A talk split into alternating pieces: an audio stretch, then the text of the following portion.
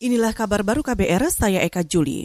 Saudara, puluhan ribu buruh hari ini akan melaksanakan aksi penolakan tidak adanya kenaikan upah minimum provinsi atau UMP 2021.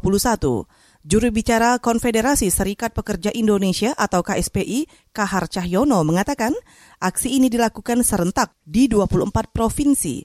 Sementara demo di Jakarta akan dipusatkan di Istana Negara dan Mahkamah Konstitusi. Pertama, upah minimum di tiap, tiap provinsi memang berbeda-beda begitu ya. Bahkan tidak hanya upah minimum provinsi sebenarnya yang kita kenal, tapi kita juga mengenal yang namanya upah minimum kabupaten kota dan upah minimum sektoral begitu. Baik upah minimum sektoral kabupaten ataupun upah minimum sektoral provinsi. Kalau kemudian dia tidak dinaikkan, tentu ini akan berdampak cukup signifikan bagi kawan-kawan buruh. Juru bicara Konfederasi Serikat Pekerja Indonesia atau KSPI, Kahar Cahyono juga menambahkan, aksi akan dilanjutkan 9 November 2020 di DPR RI untuk menuntut dilakukannya telaah legislatif atau legislative review. Dan pada 10 November 2020, aksi dilanjutkan di kantor Kementerian Ketenagakerjaan untuk menuntut upah minimum harus tetap naik.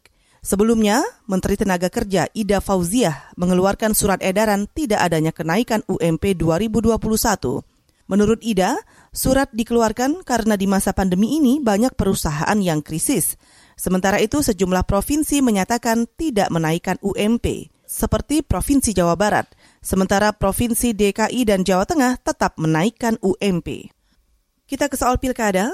Komisi Aparatur Sipil Negara menerima lebih dari 700 laporan terkait netralitas pegawai negeri sipil dalam pemilihan kepala daerah atau Pilkada 2020.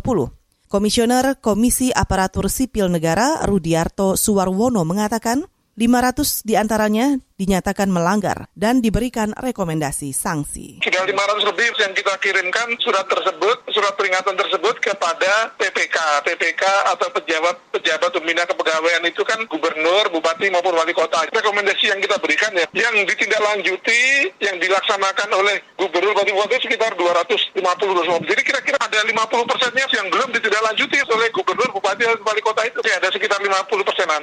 Komisioner Komisi Aparatur Sipil Negara Rudiarto Suwarwono juga merinci, berdasarkan data yang dihimpun hingga Oktober 2020, lima jabatan yang terbukti sering melanggar, di antaranya pejabat fungsional, jabatan pimpinan tertinggi, pelaksana, administrasi, hingga kepala wilayah seperti camat dan lurah. Kita ke berita olahraga.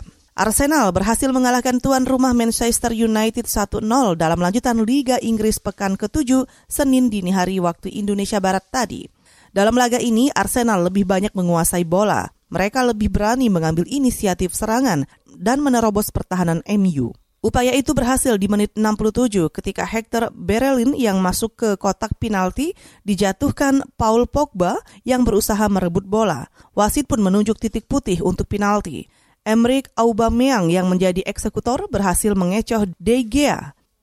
Saudara, demikian kabar baru. Saya Eka Juli.